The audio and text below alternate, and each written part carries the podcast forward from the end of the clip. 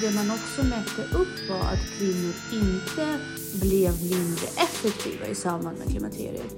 Skydda hjärnan mot stress med till exempel antioxidanter. Mm. Och med vätska så har jag också förstått att det är inte så enkelt som att bara dricka utan vätska fastnar ofta inte i celler.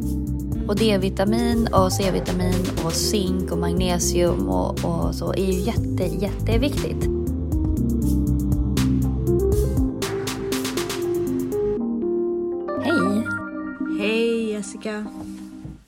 Hur är det?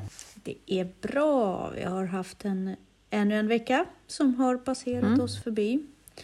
Eh, ja. ja, intensivt. Jag känner hur trycket ökar eh, bland lärarna. Nu är det februari. Så det är mycket mm. som händer nu och väldigt mycket oro på skolan. Inte oro, men det är liksom det är spänt tycker jag. Mm. Har ni det samma? Nej, faktiskt inte. Det är inte så högtryck. Eller inte så att det stör liksom. Nej, skönt. Mm. Väldigt skönt. Uh, vi har ju gett oss in i klimakteriets värld den här veckan. Ja, spännande. väldigt spännande att veta vad som mm. komma skall. Men eh, det var en väldigt intressant TED-talk som vi lyssnade på angående hur klimakteriet kan påverka hjärnans funktioner. Mm, verkligen. Eh, och där det är så himla intressant därför att forskningen har ju aldrig utgått från, medicinsk forskning har ju liksom fokuserat på manlig forskning och forskning kring män. Eh, det är väldigt, mm. och nu blir det ju mer och mer liksom, eh, man tar upp det mer och mer, men just det här forskning kring att kvinnor funkar annorlunda och funkar mm. faktiskt inte som män gör. Och med den vita mannen som alltid har varit försökskaninen eller undersökningsobjektet mm. har gjort att många diagnoser inte har undersökts till fullo och även eh, gett fel utslag om man, tänker, om man blandar in igen i genetik och kön. Och mm. det här var ju en av de här saker som syftade åt att uh, belysa hur Alzheimer hänger ihop, kan hänga ihop med, uh, med klimakteriet. Mm. Var det här Precis. någonting som var nytt för dig? Nej. Du visste, du visste om det här? Du säger, mm. Ja, och jag tänker som du säger, liksom, att, att eh, det är inte så många som kanske vet det, eller klimakteriet. Nu börjar det väl folk bli mer och mer medvetna, men också det här med, att, med så förklimakterie och så. Och det kan ju mm. pågå i tio år innan du får de här riktiga klimakteriesymptomen. Mm. Eh. Och det, och det jag tyckte var också väldigt intressant eh, var att eh, spåra de här förändringarna av östrogen i kroppen och mm. kan ge oss en timeline på eventuellt Alzheimer flera, flera år i förväg. Precis som du mm. säger angående förklimakteriet. För att mm. det är inte säkert att man får Alzheimer bara för att de här symptomen uppkommer, som vi kommer att prata om mm. närmare idag. Men, men om man börjar spåra dem, om man ser dem, då kan man ju också på något sätt i mycket tidigare skede eh, mm. börja arbeta preventivt mot mm. sjukdomar. Precis. Mm. mm. Nej men verkligen också vad, vad man äter och hur man lever och så. Det är inte bara att klimakteriet drabbar oss olika, utan mm. vi kan faktiskt, som i allt annat med kroppen, faktiskt påverka. Ja, precis. Och det jag tänkte på också var att en av faktorerna som man eh, studerade var ju hur trött hjärnan är. Hur, hur, eh, hur energitillförseln äh, minskar till hjärnan mm. i samband med klimakteriet men mm. det man också mm. mätte upp var att kvinnor inte blev mindre effektiva i samband med klimakteriet. Vilket Nej. gjorde att ju äldre man blev, desto mer ansträngde man sig mm. för att eh, fullfölja jobbet och prestera. Och det tycker jag mm. också var en väldigt intressant faktor och verkligen värd att nämna. Att oavsett hur kvinnorna i fallet mådde så förmådde de ändå att prestera lika bra som de hade gjort innan. Alltså mm. kan man ju säga på bekostnad av sin egen hälsa och sitt eget välmående. Mm. Uh, ganska brutalt. ja, mm. Nej, men verkligen. Eh, och jag tänkte att vi kan ju prata lite om liksom, dels eh, Alltså dels vad det är som händer med mm. hormoner som minskar östrogenet och sådär. Sen finns det ju den här diskussionen huruvida man ska ta östrogentillskott eller inte. Mm. Och så där måste man ju nästan bilda sin egen uppfattning faktiskt, vad man mm. tror i den frågan, huruvida det faktiskt är ofarligt eller inte. Så. Eh, men det som händer är ju liksom att kognitionen påverkas ju mm. och att du faktiskt kan löpa högre risk för demens och Alzheimer. Och också det här att metabolismen går ner. Mm. Hypofysen påverkas ju så att du kan ju drabbas av depressioner rent kemiskt men även depressioner av den enkla anledningen att du faktiskt inte känner igen dig själv. Och att ja. du känner att du inte kan hantera det som du kunde hantera förut. Och mm. att det också finns en sorg tycker jag lite som man pratar, inte pratar så mycket om, men som jag har tänkt på nu när man känner så här, oh, alltså, jag är nog absolut i förklimakteriet, men eh, även så här, som man inte riktigt har fattat förrän man är här, mm. är att det, liksom, det kommer en dag när du faktiskt inte kan välja själv huruvida du Även om du kanske inte vill ha fler barn, men det är ändå mm. så här, det är inte ditt beslut längre. Mm. Eh, och den är rätt sorglig. Ja, Exakt, och, och det är ju, Det blir ju nästan så att utifrån hur hon pratade så fick jag lite ångest över det här som du liksom lite grann är inne på. Det är nästan som att kvinnokroppen börjar stänga av när fertilitetsfunktionen är över. Förstår du vad jag tänker? Att man har på något sätt eh, förbrukat Man ja. är inte längre nödvändig. Nu ska man absolut inte se det så, men det är ju någonting som händer som för in i ett annat livsskede och naturen säger ja, men om du inte är fertil, då kanske det inte behövs att man lägger så mycket energi på hjärnan så du är lika kvick, kanske lika uh, verksam och så vidare. Vi, man väljer lägga, ja, man väljer att börja stänga av. Och det gäller att inte se det på det sättet, tänker jag. Ja, för att om man tänker hur naturen funkar, du behövs ju fortfarande, om man tänker på det här med storfamiljen och sådär, mm. att du behövs ju fortfarande för att hjälpa till att ta hand om barnbarn eller andra, se till att hjälpa flocken på något vis. Mm, men precis. Och, ja, precis. Om man tänker utifrån det gamla flocket, att, att ens funktion kanske inte är längre att vara den eh, kvickaste, den som tar beslut, utan att man går lite grann och ta hand om barnen, kanske andra hushållssysslor, kanske sånt som inte mm. kräver att man är på hugget hela tiden. Och det är en, mm. det är en förändring. Mm.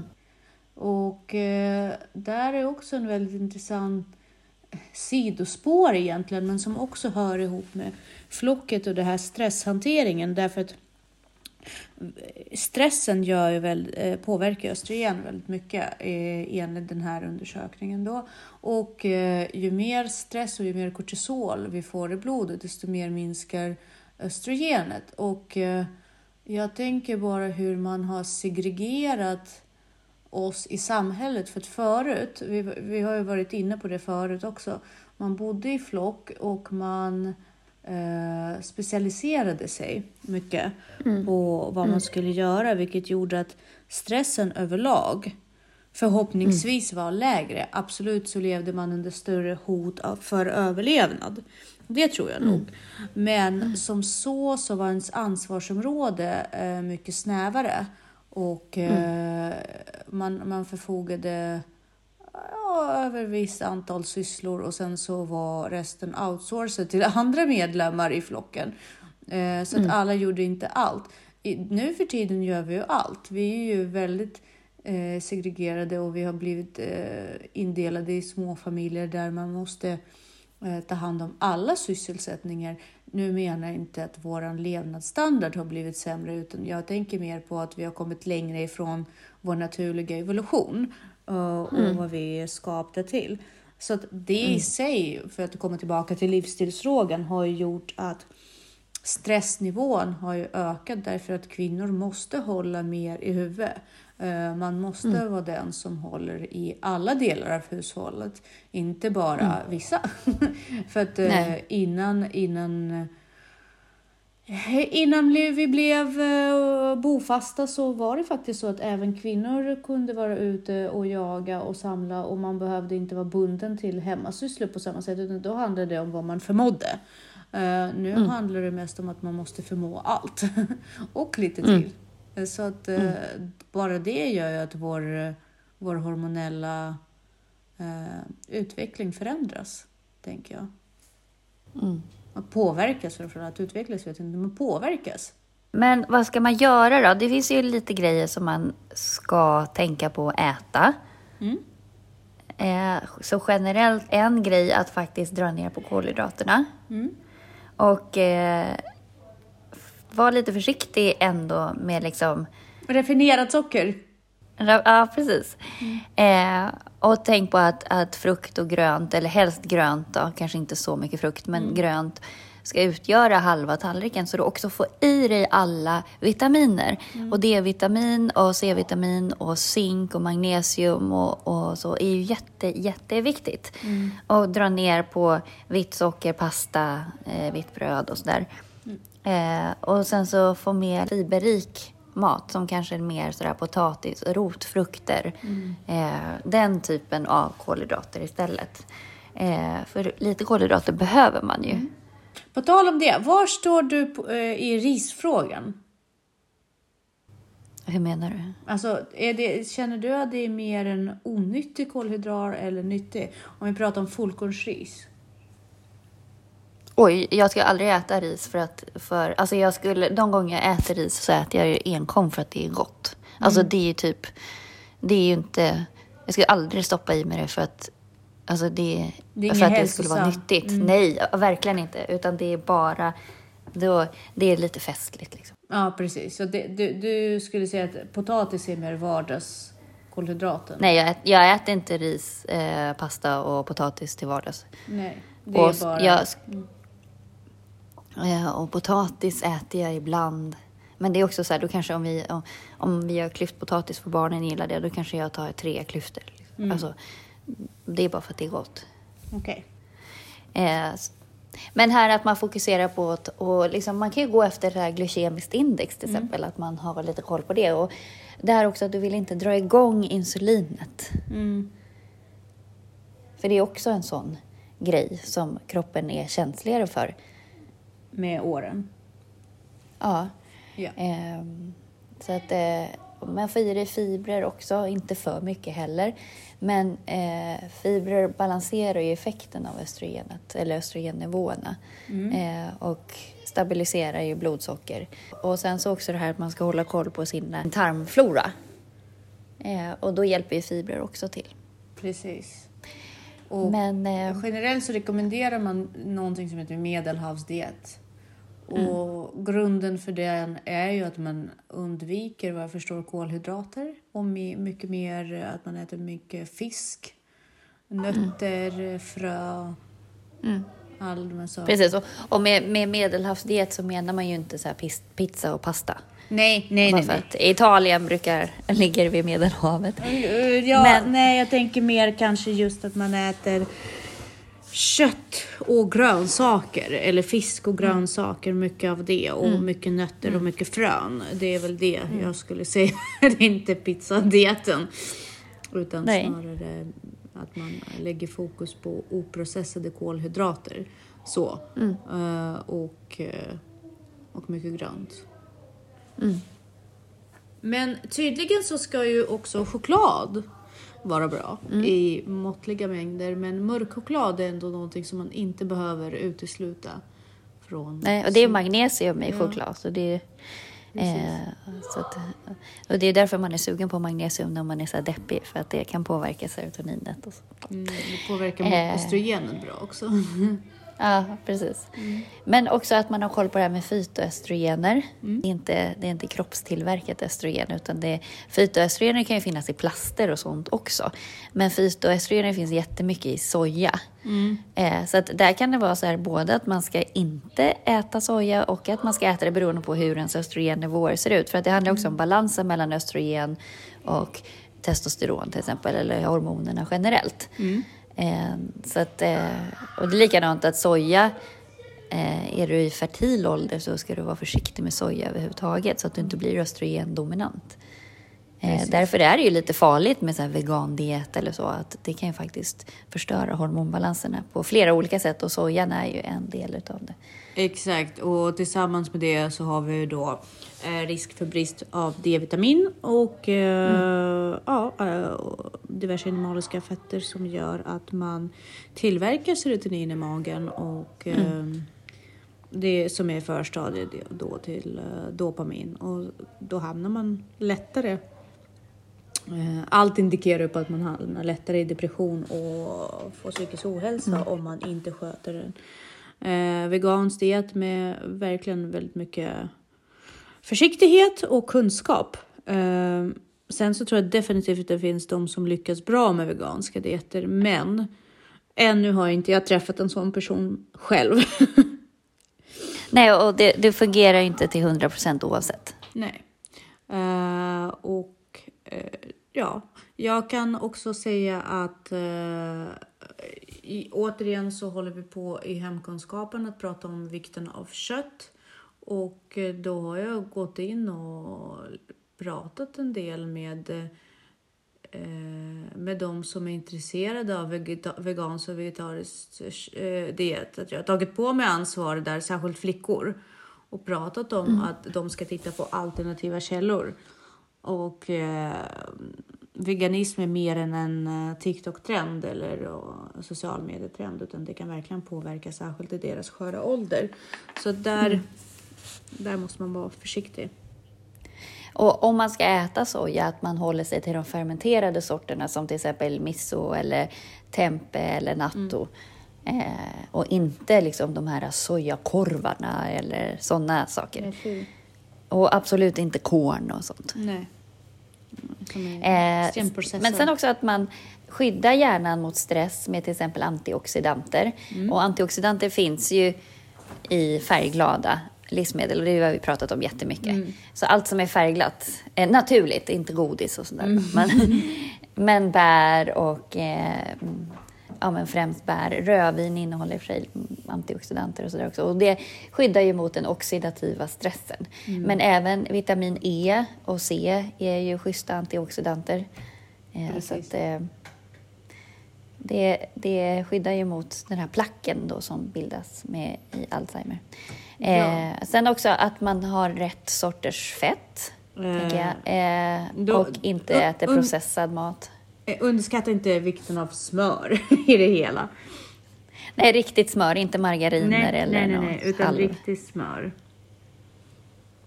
Och, eh, och vad jag förstår sesamfrö, frö, bra fetter där. Ja, Nötter. alltså omega, balansen mellan omega-3 och omega-6. Mm.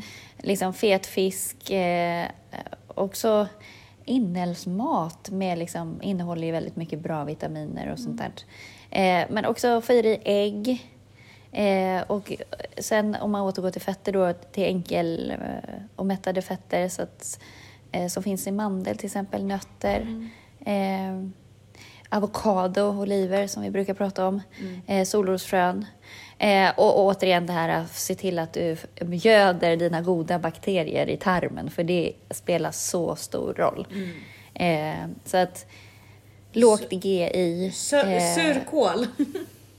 ja, och även eh, äppelcidervinäger. Eh, det kan verkligen påverka. Och undvik alkohol och kaffe.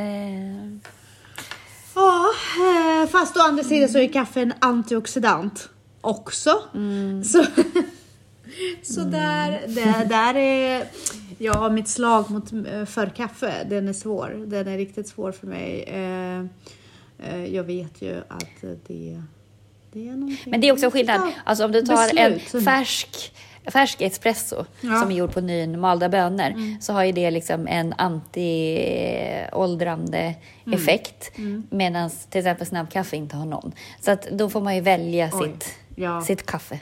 Precis, och där är jag faktiskt, jag dricker bara nymalt ekokaffe. Så Ja, det är bra. Det, det är bara det jag tar på morgonen och sen så undviker jag faktiskt kaffe resten av dagen och tar jag en till så tar jag faktiskt bara nymald. Eh, Det är okej. tack, tack. jag känner att jag har gett upp en del saker kaffe har jag svårt för. Men, jag verkligen vill- se till att få i sig vätska. Ja. Och med vätska så har jag också förstått att det är inte så enkelt som att bara dricka utan vätska fastnar ofta inte i celler och där, där är det ganska bra att man tänker på salt och eh, intaget av rätt typ av salt. Vi behöver salt som, eh, vad är det det heter? Tibetansalt, kan det heta så? Eh, nej. Sån här Hima- Himalayasalt, Him- Himalayas, eh, precis, Himalayasalt. Att det är den typen av Ja. salt som inte har blivit eh, fråntagen alla mineralämnen. Eh, Mm. Vilket gör att eh, den hjälper till att faktiskt eh, få cellerna att dra åt sig vätska. Därför att i bästa fall när du börjar dricka, ja man ska ju dricka runt åtta glas vatten om dagen. När du börjar göra det och dina celler faktiskt använder det vattnet så ska du egentligen inte behöva kissa lika mycket som folk ofta gör när de börjar dricka mycket vatten. Så där... Nej, precis. För att du, måste ju, du kan inte bara dricka vatten utan det måste ju vara någon, med någon mineraler eller någonting. Det är det som är så vätskeersättning för att kroppen ska binda ut det. Precis. Annars så kan det vara så illa att, att du faktiskt sköljer ut till och med de Exakt. mineralerna du har med det Exakt. vattnet som går igenom kroppen. Exakt. Och där är effekten väldigt påtaglig i samband med att man till exempel känner sig slö och så dricker man. Skillnaden med en liten nypa salt kan faktiskt göra att man får den här boosten och de här sockersug som man ofta har på eftermiddagar. Och jag har märkt att särskilt kvinnor tappar en del energi på eftermiddagar. Och det här sock- sockersuget försvinner faktiskt om man tillsätter den här eh, en liten kristall eh, salt. Eh, därför att då binder man vatten och då gör det här vattnet faktiskt att cellerna får energi. Hellre än att man bara sköljer ut kroppen som du säger. Då blir man ju mer kissnödig. Det blir mer stress för kroppen överlag och för en själv och nästa arbetsdag. Och man måste springa och hela tiden anpassa sig efter toaletter. Utan det handlar ju då om att eh, tillgodose det här vattnet i kroppen, vilket man gör gärna via salt. Men även om man pratar om att dra ner stressen, du pratar ju om antioxidanter. Man, men jag vill ta upp nakenhet och kel. Ja. Det varvar ju ner hjärnan jättemycket. Det dämpar ju kortisol. Eh, Och höjer oxytocinet. och precis, höjer oxytocinet och dämpar den här stressnivåerna eh, väldigt bra. Så kryp ner. kryp ner med dem du älskar och mys. Och sen behöver man ju inte vara naken för det, men, men kroppskontakt är ju faktiskt otroligt underskattat och väldigt eh, tillgänglig för många källa för, eh, för, eh, för att stressa ner och varva ner. Man måste inte sitta i en lotusställning faktiskt Nej. i flera timmar, även om det kan vara bra. Utan använd, eh, använd det du har. Barn och make. Eller partner. Precis. Det blir jättebra. Exakt. Som en stressnedvärmning. Precis. Och tänk på att äta, försök äta giftfritt eller få ner gifter och tillsatsämnen och sånt. Sen också det här med, vissa mår faktiskt bättre av intermittent fasta eller åtminstone dra ner på energin som man äter. Ehm, så att eh, ja, det spelar väldigt stor roll. Ja. Saker som man gör liksom. Så att försöka sänka stressen. Eh, men också försöka bibehålla sin, sin sexlust och liksom sitt, den man är, liksom det som definierar en på något vis. Exakt. Och jag tänker också så här, du pratar inälvsmat, vi pratar surad mat, eh, fermenterad mat, vi pratar väldigt oprocessad mat. Alltså om man tittar på det vi pratar om och tittar på hur ekonomin ser ut just nu kring maten så är det väldigt bra för ens budget just nu att faktiskt ägna sig åt de här sakerna. För inälvsmat kostar väldigt lite jämfört med hur köttpriserna har stigit. Och eh, surade saker kan man med lätthet göra hemma. Eh, Och kan vara en rolig aktivitet för hela familjen. Jag vet att det är svårt att sälja in, men tänk på att avkastningen är så fantastisk. Eh, men, och det kan ju bli en vana. Eh, och samma sak gäller då oprocessad mat. Eh, potatis istället för eh, andra typer av kolhydrater som pasta. Eh, rotfrukter, också väldigt billigt tillgänglig eh, källa till eh, energi. Allt det här gör, eh, på något sätt hänger ihop, att man, är, att man både sparar in pengar och, och faktiskt får bättre och hälsosammare eh, livsstil. Samtidigt som, eftersom det här blir lite tidskrävande också, så kan man ju dra ner på onödiga besök ut i andra stressfaktorer. Kanske inte behöver åka ut och underhålla sig utanför hemmet. Men kanske faktiskt kan ägna mer tid till det interna. Mm.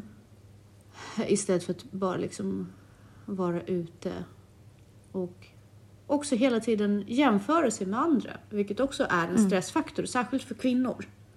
Mm. Så är det.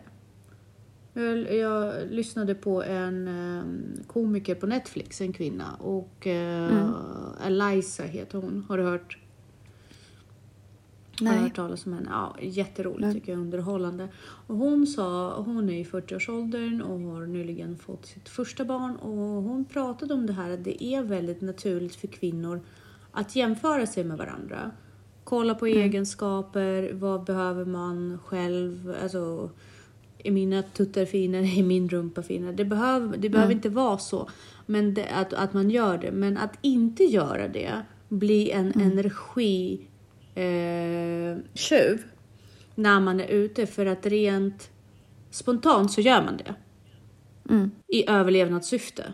Man jämför sig med andra kvinnor och, och andras överlag jämför sig och det är en energitjuv. Och med tanke på att du behöver varva ner och fokusera på ditt och stressa ner så är det ganska bra att inte vara i miljöer där du har möjlighet att jämföra dig. Do I make Nej. sense? Ja, absolut. Eh, det betyder inte att man ska vara ett troll under en sten och hela tiden gå Nej. runt eh, i mjukisbyxor och vara hemma. Men Nej, det kan definitivt vara någonting för ens mindfulness. Att Mm. bara åka ut på egna villkor och dit man vill och sådär och inte hela tiden vara insyltad i Mm. en livsstil som kräver att man är ute bland, bland massor hela tiden. Nej, precis. Det viktigaste är åter, åter, åter kost. Mm. Oprocessad, så naturlig som möjligt. Undvik skit, stoppa inte in skit i kroppen. Undvik processad mat, undvik socker. Och måste vi ändå sticka in med faktiskt träning och sömn. Ja, självklart. Självklart. Eh, det, det kostar inte jättemycket att vara frisk och hålla sig frisk. Tvärtom. Om man tittar på allt man har tillgängligt så kostar det mindre. Vi säger tack och hej för denna vecka. Det gör vi. Tack och hej. Tack och hej! Hej.